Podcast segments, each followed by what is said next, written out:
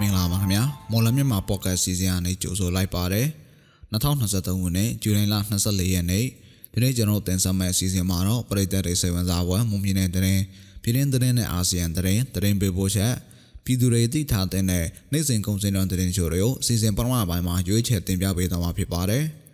ဒါပြင်နိုင်ငံရေးအကြက်အသေးတွေကိုဖြည့်ရှင်းနိုင်ရေးစစ်ကောင်စီနဲ့အာဆီယံတို့သဘောတူထားတဲ့ပုံသဘောတူညီချက်၅ချက်အလုပ်ဖြစ်လာဆိုတဲ့သတင်းပေးပို့ချက်ကိုလည်းတင်ဆက်ပေးပါဦးမယ်။ဟောပါဒီနေ့အစီအစဉ်မှုကတော့ကျွန်တော်အာကာအတာဝန်ယူသွားမှာဖြစ်ပြီးကျွန်တော်နဲ့အတူနွန်တယ်ကသတင်းတွေကိုကူညီတင်ဆက်ပေးသွားပါပါ။နားဆင်နေကြတဲ့ပရိသတ်အလုံးကိုမင်္ဂလာပါလို့နှုတ်ခွန်းဆက်သပါရစေ။ကျမနွန်တဲ့ကသတင်းတွေကိုကူညီဖတ်ကြားပေးသွားမှာဖြစ်ပါတယ်။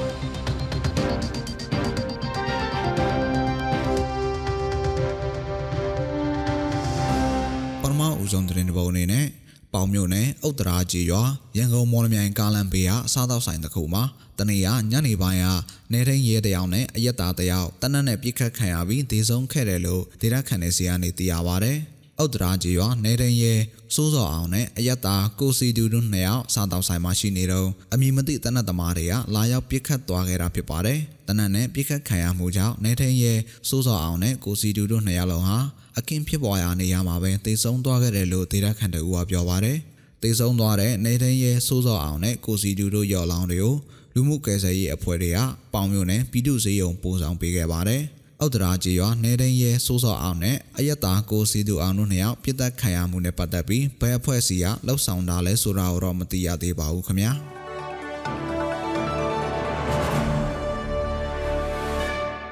နောက်ထပ်သတင်းတစ်ပုဒ်အနေနဲ့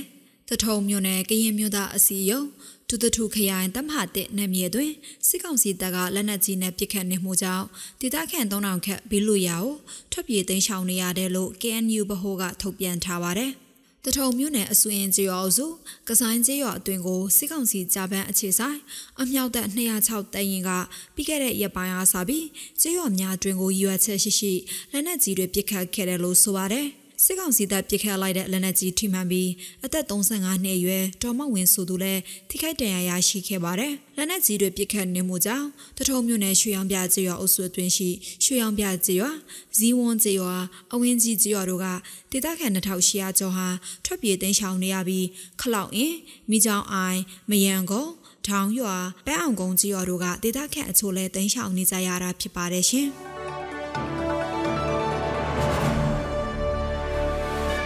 နောက်ထပ်သတင်းတစ်ပုဒ်အနေနဲ့ပြည်တွင်းမှာ73စီလဲအလွန်အလောက်ရှိတယ်လို့အရန်စီလဲလုံလောက်တယ်လို့73စီတင်သွင်းတူလောင်ပြန့်ပြူခြင်းလုပ်ငန်းကြီးကြပ်ရေးမှုကော်မတီကနေထုတ်ပြန်ပါတယ်။လာစဉ်လိုအပ်ချက်နဲ့အညီ73စီကိုရေချောင်းနဲ့နေဆက်လန်းချောင်းကနေတင်သွင်းနေတယ်လို့အရန်စီကိုလည်းအရေးပေါ်အခြေအနေတစ်ခုအထိတုံးဆွဲနိုင်ဖို့လုံလောက်မှုရှိတယ်လို့အဲ့ဒီကြေညာချက်မှာဖော်ပြပါတယ်။ရန်ကုန်စိတ်ကံကိုရောက်နေတဲ့စီတင်တင်ဘော်တွေကလည်းစီကြဖို့အသင့်အနေအထားနဲ့စောင့်ဆိုင်နေပြီး စိတ်ကံအားတာနဲ့စီတွေဆက်လက်ဝင်ရောက်လာမှာလို့လဲဆိုပါတယ်။ဒါကြောင့်73စီနဲ့ပတ်သက်ရင်စိတ်ပူဖို့မလိုဘူးဆိုပြီး73စီတင်ဖို့တိုးလောင်ဖြန့်ဖြူးခြင်းလုပ်ငန်းကြီးကြပ်ရေးကော်မတီကကြီးညာထားတာဖြစ်ပါတယ်ခင်ဗျာ။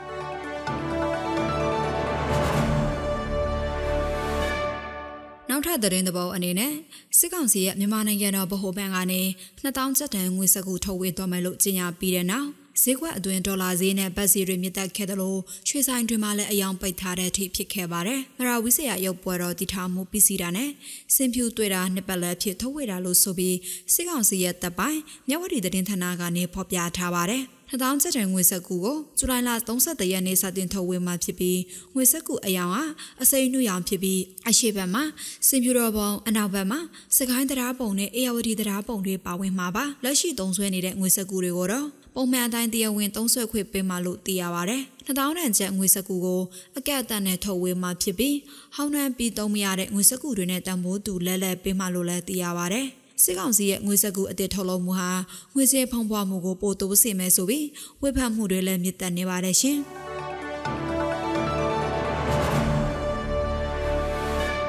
နောက်ဆုံးသတင်းတစ်ပုဒ်အနေနဲ့ ထိုင်းနိုင်ငံမဲဆောက်မြို့မှာဒီရက်ပိုင်းအတွင်းထိုင်းရဲတွေကအစင်စစ်တာကိုတင်းတက်ကြပ်ကြပ်လှုပ်ဆောင်နေတာကြောင့်အထောက်အထားမဲ့မြန်မာတွေအနေနဲ့တတိထားပြီးနေနေကြရတယ်လို့သိရပါတယ်။ထိုင်းနိုင်ငံမဲဆောက်မှာတရားဝင်တွားရောက်နေထိုင်ကြတဲ့မြန်မာလူသားတွေရှိတယ်လို့တရားမဝင်တွားရောက်နေထိုင်ကြတဲ့မြန်မာနိုင်ငံသားတွေလည်းအများပြားပါ။ဒါကြောင့်ထိုင်းနိုင်ငံရေးမတည်ငြိမ်တဲ့အခုလိုကာလမှာမဲဆောက်ရောက်မြန်မာတွေအနေနဲ့တတိထားပြီးနေနေကြရတယ်လို့သိရပါတယ်။ ဒါမဲ့လည်းထိုင်းနိုင်ငံမှာနိုင်ငံသားကိုပဲ ASEAN စစ်တာဖြစ်ပြီးသူတို့နိုင်ငံသားတွေကိုတော့ ASEAN မစစ်ပါဘူး။စစ်ကောင်စီလက်ထက်မြန်မာနိုင်ငံမှာတော့ ASEAN ဥပဒေကိုပြန်လည်အသက်သွင်းပြီးအချိန်မတော် ASEAN စစ်နေတာဖြစ်ပါတယ်ခင်ဗျာ။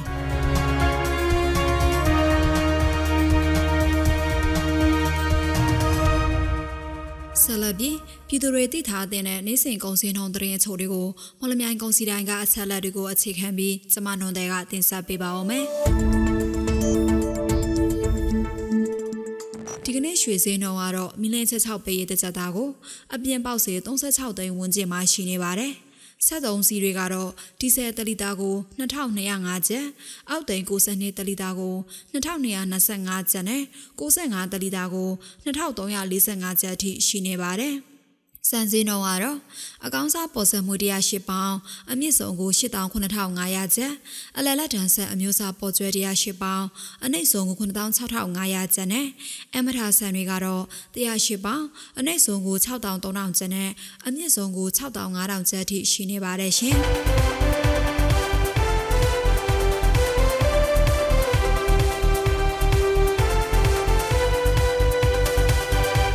ခုတင်ဆက်ပေးသွားခဲ့တာကဇူလိုင်လ24ရက်နေ့မှာဖြစ်ပျက်ခဲ့တဲ့မွန်ပြည်နယ်သတင်းပြည်တွင်းသတင်းနဲ့အာဆီယံသတင်းတွေအပြင်တနေ့တာကုန်စည်နှုန်းတွေကိုတင်ဆက်ပေးသွားခဲ့တာဖြစ်ပါတယ်။ဆက်လက်ပြီးတော့နိုင်ငံရေးအကြက်အသေးတွေကိုဖြည့်ရှင်းနိုင်ရေးစစ်ကောင်စီနဲ့အာဆီယံတို့သဘောတူထားတဲ့ပုံသဘောတူညီချက်၅ချက်အလုပ်ဖြစ်လာဆိုတဲ့သတင်းပေးပို့ချက်ကိုတော်ရာတင်ဆက်ပေးပါဦးမယ်။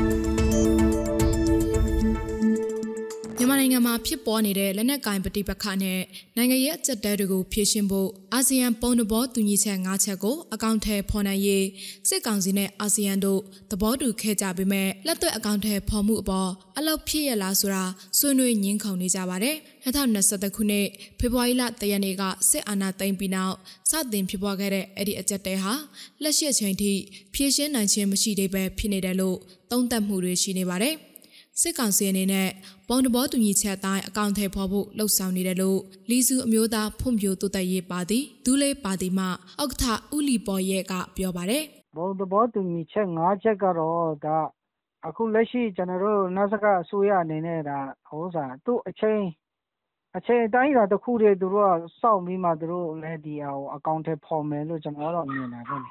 2021ခုနှစ်ဧပြီလကကျင်းပခဲ့တဲ့အာဆီယံထိပ်တီခေါင်းဆောင်များစည်းဝေးမှာ သွေးထွက်တန်ယူမှုတွေရပ်တန့်ရေးလူသားချင်းစာနာထောက်ထားမှုအကူအညီတွေပေးအပ်ရေးဖမ်းဆီးခံရသူတွေပြန်လှုပ်ပေးရေးတပ်ဆိုင်သူတွေတွေ့ဆုံဆွေးနွေးအပြေရှားရေးမြန်မာနိုင်ငံဆိုင်ရာအာဆီယံအထူးကိုယ်စားလှယ်ကိုခန့်အပ်တာနဲ့မြန်မာပြည်တော်ရောက်ခွင့်ပြုဖို့စတဲ့ပုံတဘောတူညီချက်၅ချက်ကိုချမှတ်ခဲ့ပါတယ်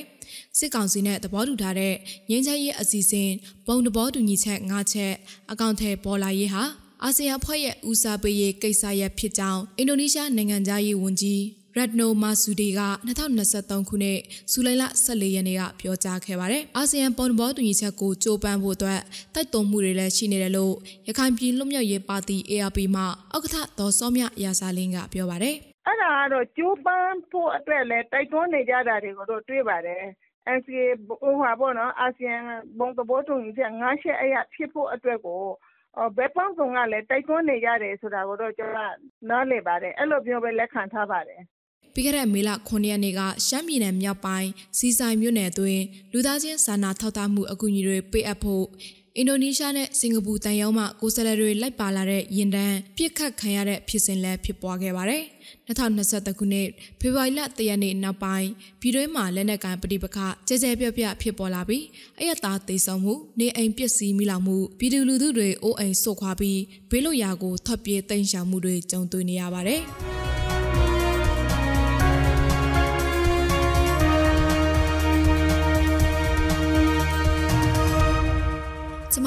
မတို့ရဲ့မွန်လန်းမြန်မာဖော့ကတ်အစီအစဉ်ဒီမှာတင်ပြီးဆုံးပါပြီ။နားဆင်နေကြတဲ့ပရိသတ်အားလုံးကိုနောက်နေ့အစီအစဉ်တွေမှာဆက်လက်အားပေးကြပါအောင်လို့ဖိတ်ခေါ်ရင်းအစီအစဉ်ကိုဒီမှာပဲအဆုံးသတ်ပါရစေ။အားလုံးကိုကျေးဇူးတင်ပါတယ်ရှင်။